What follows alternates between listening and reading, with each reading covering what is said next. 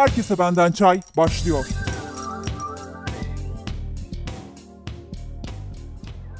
Herkese merhaba. Ben Habibe Altıntaş. Daha önce 12 numaralı bölümde Kanada'ya taşınmak için ihtiyaç duyabileceğiniz 30 nedeni size sunmuştum. Ve demiştim ki Kanada'ya taşınmamak için de elimde nedenler var. Bunları da sıralayacağım. İşte o gün bugün bu bölümde Kanada'nın dezavantajlarını, neler olabileceğini, yaşamamak için belki neden olabilir bazılarınız için bunları konuşacağız. Hazırsanız başlıyoruz. Birinci neden çok uzak bir ülke.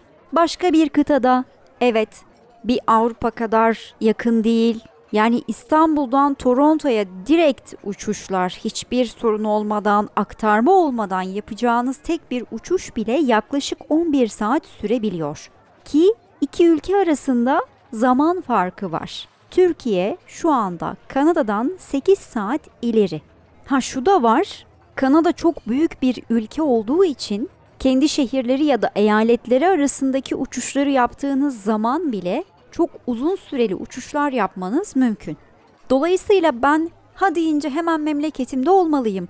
Vay efendim benim burada bağlarım var, oyun var, buyum var. Benim için mesafe önemli. Hemen bilet bulmak önemli diyorsanız bu sizin için çok önemli bir kriter. Taşınmamak için ikinci neden. Kendi ekosistemini kapalı tutmaya çalışsa da aslında Amerika sayesinde ekonomisini döndüren bir ülke. Çünkü aynı kıta üzerindeler. En güzel alışverişi komşusu Amerika ile yapmakta. Dediğim gibi bazı konularda biraz daha izole, bazı konularda biraz daha katı kuralları olsa da yine de Amerika'dan çok fazla etkilenmekte. Bu arada ikisinin de kendine ait para birimi Amerikan doları ile Kanada dolarının farklı olduğunu bahsetmiştim. Daha önce taşınmak için gereken nedenleri sıraladığım podcast boyunca. Gelelim üçüncü nedene. Kanada'nın genel olarak sağlık sistemi Türkiye'ye kıyasla çok da iyi değil. Türkiye'de ne vardır? Paran varsa bir şekilde ilgi alaka bulabilirsin ya da iyi doktorlara bir yerlerden ulaşabilirsin filan böyle bir muamele var. Ama Kanada'da maalesef doktor sayısı az ve sistemde bazı açıklar var. Herkes her istediği zaman her istediği doktora ulaşamıyor maalesef. Saatlerce acilde sıra bekleyen insanların hikayelerini dinleyebilirsiniz. Bunun dışında biraz daha ilaçlara ulaşımı vesaire kolay olabilir ama dediğim gibi sistem kötü olduğu zaman bir şeylere ulaşmanız, elde etmeniz de zor oluyor haliyle. Bireysel olarak etkilenirsiniz. Dördüncü neden Kanada kabul. Genel olarak soğuk bir ülke. Başkenti olan Ottawa'da, çok kalabalık şehri olan Toronto'da. Evet, gerçekten çok soğuklar. Kar, buz, gerçekten o ülkede çok olağan. Ama ne demiştik?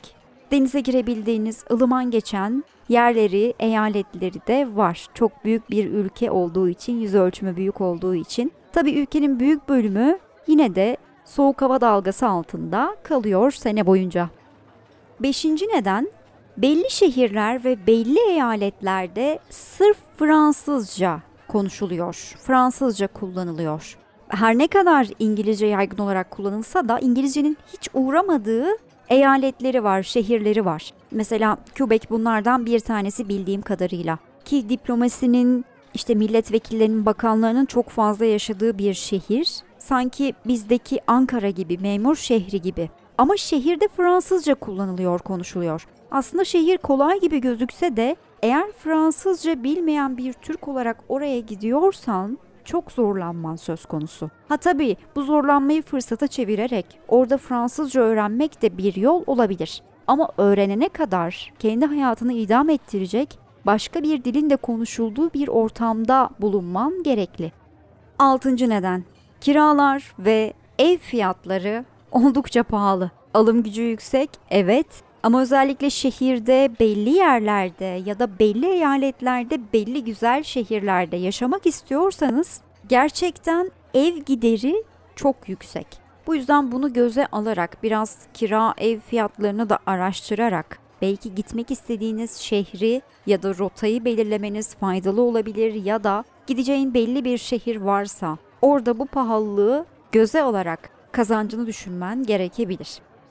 Valla benim aklıma gelen, duyduğum, bildiğim en olumsuz şeyler bunlar Kanada ile ilgili. Kanada'ya taşınmak için gereken 30 neden sıralamıştım. Taşınmamak için şimdiye kadar 6 neden bulabildim. 30'a 6. Yani aralarında ciddi bir fark var. Dediğim gibi herkesin öncelikleri farklı. Herkesin olmazsa olmazları farklı. Saydığım şeyler arasında öyle özellikler vardır ki ben giderim. Kesinlikle bunlar benim için olumsuz şeyleri gözüm görmez diyebilirsin. Ya da sayılan olumsuz şeyler arasında öyle bir şey vardır ki senin Kanada'ya olan sempatini tamamen yerle bir edebilir. Sana kalmış. Instagram ve Twitter'daki kullanıcı adım uydur uydur koy. Bir sonraki podcast'te görüşmek üzere. Herkese benden çay sona erdi.